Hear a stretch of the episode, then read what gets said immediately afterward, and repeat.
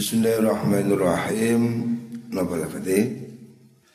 Wa Nabil Abbas Sahal bin Sa'ad As-Sa'idi radhiyallahu an Qala dawu sapa Abdul Abbas Ja'a teko sapa rajulun wong lanang ilan nabiyyi maring Nabi Muhammad sallallahu alaihi wasallam Faqala nuling ucap sapa rajul ya Rasulullah Ya Rasulullah wahai Rasulullah Dulani nutuhaken panjenengan ni ing kula tunjukkan kepada saya ala amalin ing atase amal. Ida ana nalikane uta ingsun iku amil tuhu nglakoni ingsun hu ing amal. Ahabani mongko demen ni ing ingsun sapa Allah Gusti Allah. Tunjukkan saya kepada amalan yang kalau saya lakukan saya dicintai oleh Allah. Wa ahabbani lan temeni ing ingsun sapa annasu menungso bertanya seorang kepada Rasulullah sallallahu alaihi wasallam amalan apa yang membuat saya dicintai oleh Allah dan sekaligus dicintai oleh manusia. Perbuatan apa yang disukai Allah dan juga disukai manusia. Biasanya ini kan disukai Allah, tidak disukai manusia. Apa amalan yang membuat saya disukai Allah dan sekaligus disukai manusia. Qafaqala mongko dawu sapa Kanjeng Nabi Kemudian Nabi menjawab Izhad fit dunya Izhad zuhud osiro Kalau kamu mau kepingin Jadi orang Yang dicintai Allah dan dicintai oleh manusia maka hendaknya kamu bersikap zuhud. Zuhud bukan berarti kere ya bukan. Zuhud itu tidak selalu berarti miskin zuhud itu sikap yang lebih mementingkan akhirat daripada urusan dunia. Ya. Jadi yang namanya zuhud itu tidak harus miskin, ngemis, itu bukan zuhud. Itu jenenge melarat. Zuhud itu tidak mencintai dunia. Jadi seperti Rasulullah Wasallam hidup sangat sederhana, walaupun harta berlimpah datang harta, datang upeti, jizyah oleh Nabi dibagi-bagikan. Jadi memang beliau memilih hidup sederhana. Jadi zuhud itu sikap sederhana, sikap mencintai Allah, tidak mencintai dunia. Adapun orang itu menjadi kaya, tetap zuhud bisa. Jadi artinya zuhud itu Bukan berarti harus miskin Seorang ini bisa jadi zuhud ya. Walaupun dia punya harta Artinya kekayaannya itu hanya ada di tangan Tidak sampai masuk ke dalam hati Itu sikap zuhud Orang menjauhi perkara haram itu sudah zuhud Jadi meskipun dia bekerja, kaya, tapi dengan cara yang benar itu zuhud.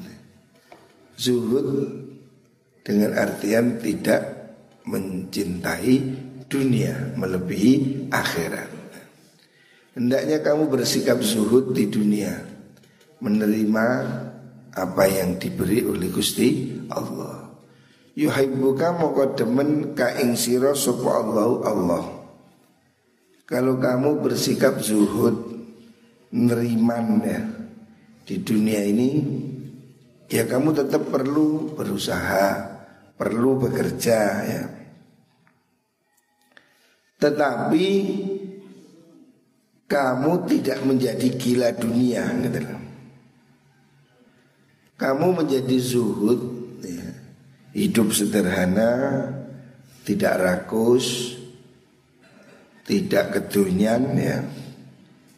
Kona'ah dengan rezeki yang halal Ridho dengan pemberian Gusti Allah Tapi ya tetap berusaha. Bukan berarti itu saya zuhud terus kamu nggak kerja Tomak mengharapkan pemberian orang lain. Itu jelek. Tomak itu jelek. Zuhud itu ya tetap berusaha. Artinya orang mukmin, orang Islam mencukupi kebutuhan hidupnya. Itu harus ya. Tolabul halal faridotun ala kulli muslim. Bekerja mencari harta halal itu wajib ya. Jadi zuhud ini bukan berarti tidak bekerja. Zuhud itu artinya kamu nerima kona'ah dengan rezeki yang halal Ridho rela dengan pembagian dari Gusti Allah Setelah kamu berusaha ya. Bukan berarti tidak berusaha terus Sudah saya terserah Gusti Allah. Itu namanya sembrono. Berusaha dulu setelah itu pasrah rezeki dari Gusti Allah. Zuhud itu juga berarti ta'afuf menjaga diri dari harta yang haram. Itu zuhud ya. menjauhi harta yang subhat ya. itu zuhud. Mensyukuri harta yang halal dan menafkahkan dalam jalan-jalan yang diperbolehkan. Itu zuhud. Jadi zuhud itu tidak harus berarti melas bukan ya. Hendaknya orang itu bersikap zuhud bahwa apa yang ada di tangannya, harta, semua kekayaan itu hanya ada di tangannya, tidak masuk di dalam hatinya. Sembahyang yo ya iling Gusti Allah. Jangan kamu sholat ingat harta. Tapi dunia ini bukan berarti tidak wajib.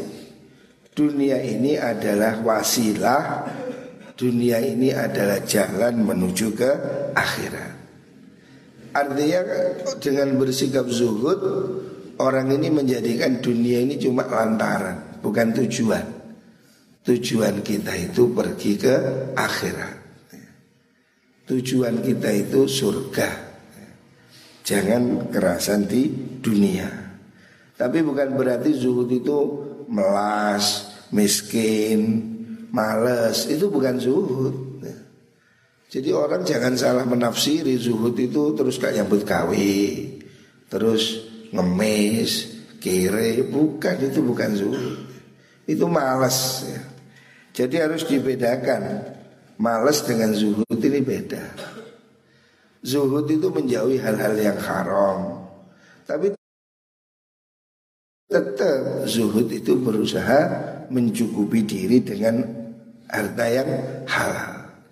Zuhud itu merasa puas di hati, puas dengan apa yang telah diberikan oleh Gusti Allah. Ya. Dan termasuk rela berkorban, rela untuk menyedekahkan hartanya, itu bagian zuhud. Ya. Cinta dunia, ya, yang tidak boleh itu apabila cinta dunia untuk bersenang-senang numpuk-numpuk harta untuk foya-foya untuk apa sombong-sombong itu yang tidak boleh tapi kalau mencintai dunia supaya dia bisa bersodakoh ya dia bekerja supaya bisa amal jariah supaya zakat itu bagus jadi orang Islam ini tidak harus miskin, tidak harus gembel, tidak. Zuhud itu terhadap perilaku cinta dunia itu yang tidak boleh itu. Cinta dunia untuk foya-foya. Tapi kalau dia bekerja untuk memberi nafkah keluarga, untuk sodako, jariah, itu bagian dari ibadah, tidak apa-apa. Hadis Hasanun Warwa Ibnu Majah wa biasatin biasanid hasanah. Ini hadis Hasan. Wa Nu'man bin Yasir radhiyallahu anhu ma qala dawu sapa mengkono Nu'man bin Yasir. Zakara iling Sapa Umar bin Khattab Sayyidina Umar bin Khattab radhiyallahu an. Ma ing perkara asoba kang ngenani apa ma annasa ing menungso. Minat dunia saking dunya. Sayyidina Umar melihat apa-apa yang sudah didapatkan manusia dari harta, pangkat dan lain-lain.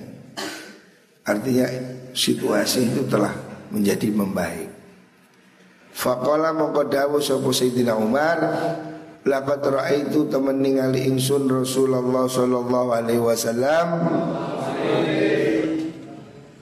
ing Kanjeng Nabi Muhammad sallallahu alaihi wasallam ya dhillu apa itu ya dhillu ya dhallu al yauma ya dhallu setino-tino. Maksudnya ya dhallu itu terus menerus al yauma in dalam suci dino yaltawi luwe sopo kanjeng nabi. Sayyidina Umar ingat kanjeng nabi itu pernah seharian nggak makan Maya jidu orang nemu sopo kanjeng Nabi Orang nemu daklan ing kurmo Kurmo Ya. Yang kang ngebak-ngebaki sopo kanjeng Nabi Bihi kelawan mengkono Napa niku daklan Batnahu ing madarane kanjeng Nabi Artinya Sayyidina Umar menjelaskan bahwa Rasulullah Shallallahu Alaihi Wasallam itu sangat suhud, sangat sederhana. Pernah suatu hari Sayyidina Umar melihat kanjeng Nabi itu tidak makan, kelaparan, ngelempeh apa, ya lemas, tidak makan satu hari, tidak ada satupun yang bisa dimakan.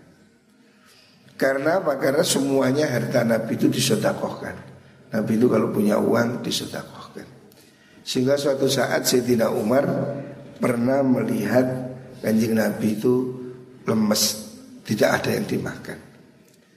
Bukan berarti itu Nabi itu miskin Bukan. Nabi itu aslinya mempunyai banyak harta yang tapi terus dibagi-bagikan.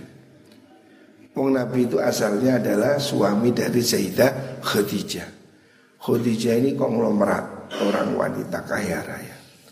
Hartanya diserahkan semua pada Nabi. Tapi Nabi menggunakannya semua untuk dakwah. Ini mengajari pada kita ya hidup sederhana. Kalaupun kita ini melarat, kalaupun kamu itu susah, masih jauh susah kehidupan pada zaman kanjeng Nabi. Rawahu Muslim. Ad-daklu temane daklu bifatidal al muhmala kang den titik ekak ora ono titike wal qaf lan rodi utamar iku kurma kang kasar kang elek. Nggak ada yang dimakan kurma-kurma bongkeng nggak ono. Belas nggak ada apa-apa yang bisa dimakan.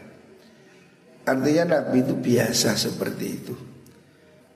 Hartanya disodakohkan sampai dia tidak ada yang dimakan Maksudnya ini mengajari pada sahabat, pada yang lain. Hendaknya siap hidup sederhana. Wan Aisyah lan diriwayatkan Sayyidah Aisyah radhiyallahu anha qala Qalat dawu sopo Sayyidah Aisyah? Dawe Tuwufiyah. Tuwufiyah dan setoaken Kanjeng Nabi meninggal Tuwufiyah seto sopo Rasulullah Sallallahu Alaihi Wasallam. Wa ma fi rafi Lan ora ono ing dalem lemari ingsun. Utawa ing dalem oma ingsun.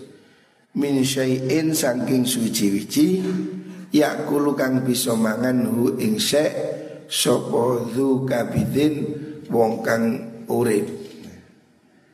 Jadi waktu Nabi meninggal kata Sayyidah Aisyah di rumah saya tidak ada makanan sama sekali. Jadi anjing Nabi itu hidupnya hanya per hari. Kalau ada lebih dibagikan. Sehingga Sayyidah Aisyah istri Rasulullah Wasallam. Sayyidah Aisyah mengatakan waktu kanjeng Nabi meninggal itu di rumah tidak ada apa-apa, tidak ada hal yang bisa dimakan, tidak ada makanan sama sekali. Illa syatru syairin angin sak jumput gandum firofin ing dalam lemari dalam wadah li kang tetap kedui ingsun. Jadi di rumah kanjeng Nabi saat kepergian beliau ya, saat kanjeng Nabi wafat itu nggak ada persediaan makan kecuali hanya sejumput ya, sebagian gandum aja. Nggak ada sate, nggak ada tempe, nggak ada siang lain nggak ada. Coro saat ini hanya beras.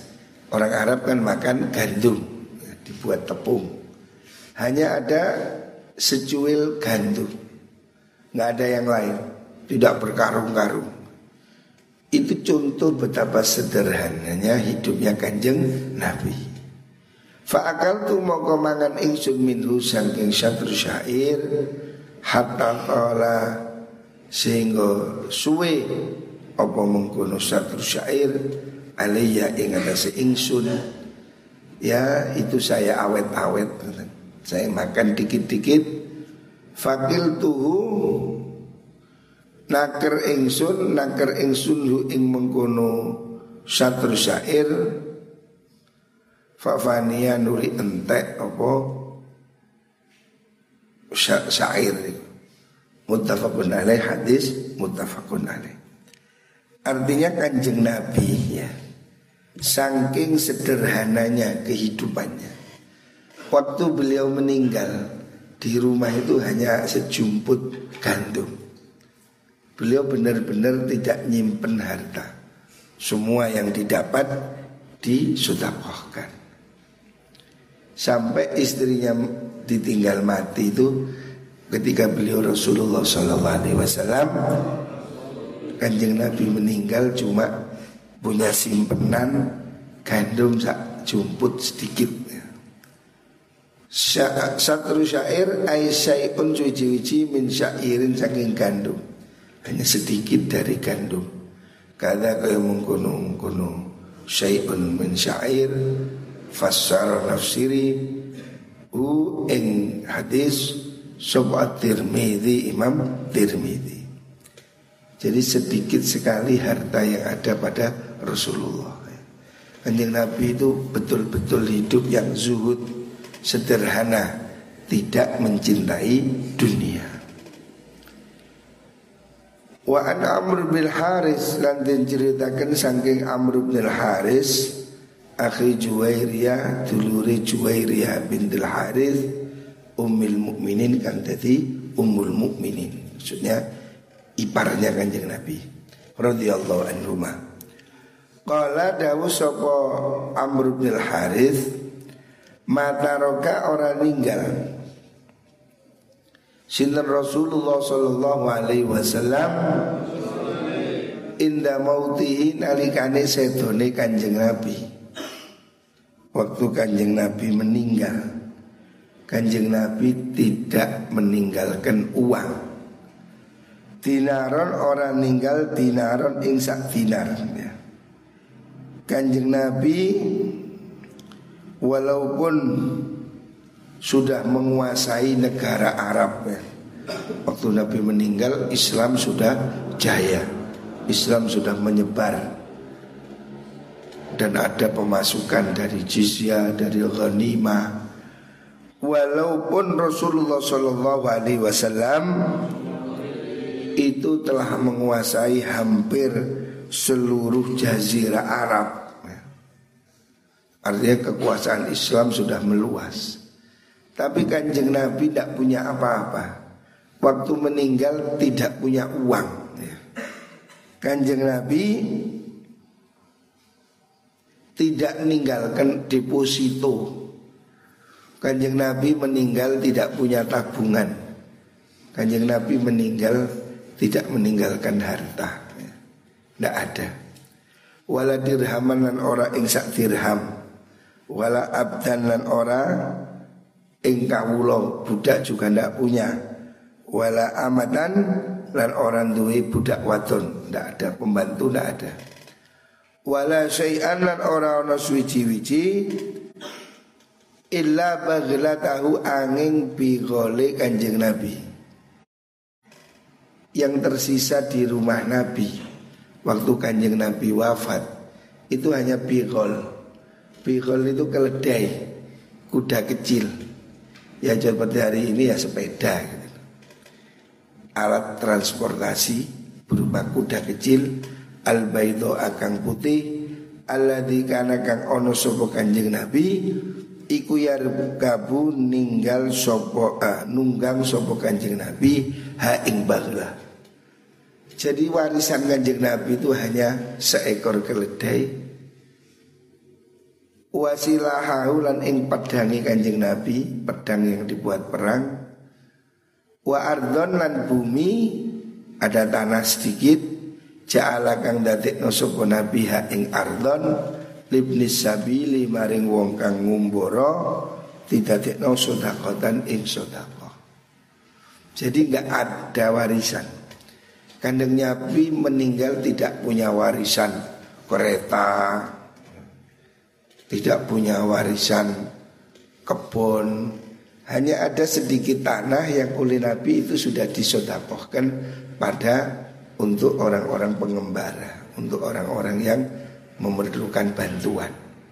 Jadi Rasulullah Shallallahu Alaihi Wasallam meninggal itu tidak bawa apa-apa, nggak punya apa itu kendaraan yang bagus, tidak punya deposito, tidak punya simpenan uang sama sekali.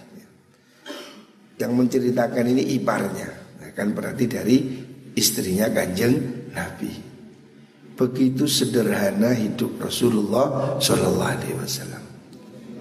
Jadi kita ini kalaupun miskin Seandainya kita ini hidup kekurangan Lihatlah betapa lebih kurang kehidupan kanjeng Nabi Supaya kita ini tenang ya Cuk khawatir ya Seandainya orang itu kaya juga tidak apa-apa.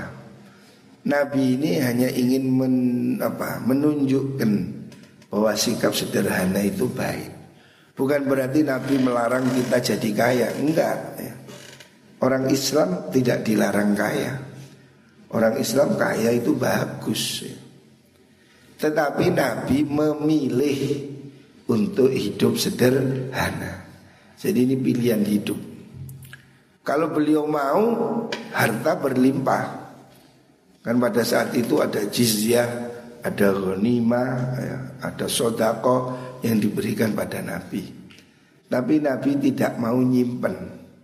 Begitu ada uang dibagi, begitu ada uang dibagi. Hidup Nabi itu hanya ingin berbagi, nulung orang, hartanya dibagikan, dibagikan terus seperti itu. Ini adalah teladan, ya, teladan untuk kita ya memilih hidup sederhana ataupun ahli sodakoh. Tetapi ini bukan satu-satunya. Seandainya kita itu memilih untuk jadi kaya juga boleh. Buktinya sahabat-sahabat Nabi banyak yang kaya. Abdurrahman bin Auf kaya, Sayyidina Umar juga kaya, Sayyidina Utsman juga kaya. Kaya itu tidak jelek. Yang jelek itu rakus, yang jelek itu gila harta. Hari ini pada saat ini ya, ya memang lebih baik jadi orang kaya. Kenapa? Orang kaya itu lebih bisa menolong pada orang lain. Kalau kamu kaya, kamu bisa bangun masjid, bangun pondok, bangun madrasah. Jadi menurut fikih orang kaya yang dermawan, yang bersyukur dengan orang miskin yang sabar. Bagus mana? Bagus orang kaya. Karena kaidah fikih al mutaaddi aula minal qasir. Sesuatu yang bermanfaat untuk orang banyak itu lebih baik daripada sesuatu yang tidak. Kalau kamu kaya, umpamanya kamu punya duit satu triliun, wah, kamu bisa nyumbang seribu masjid, kamu bisa membangun seratus sekolah. Ini mutaati, sesuatu yang bermanfaat untuk yang lain. Itu lebih baik daripada al-qasir, sesuatu yang hanya terbatas. Kalau kamu miskin, ya bagus, tapi terbatas untuk dirimu sendiri. Kamu miskin, ahli ibadah, itu bagus. Miskin, sabar, bagus. Tapi manfaatnya dinikmati oleh dirinya sendiri. Miskin, lah apa? Kati ngedum ya karena sing itu. Mau nulung orang ya terbatas. Makanya secara fikih lebih bagus orang kaya yang bersyukur daripada orang miskin yang sabar. Ya dua-duanya baik, miskin sabar bagus, hisapnya lebih ringan kalau dia memang hidupnya jujur. Lah repotnya orang miskin ini sulit jadi jujur.